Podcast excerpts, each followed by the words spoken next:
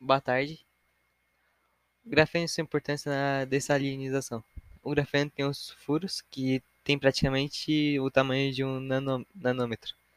Esses furos têm, é, têm o tamanho para passar a água no mar, mas os íons de sal não conseguem passar nesse furinho. O que é a osmose reversa? A osmose reversa é um processo de separação em que o solvente é separado de um soluto de baixa massa molecular por uma membrana é, permeável ao solvente impermeável ao soluto.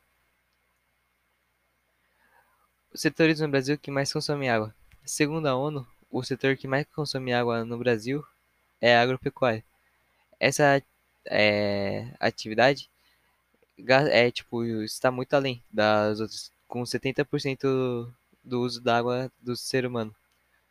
Já o segundo fator é a indústria que usa as indústrias que usam 22% da água.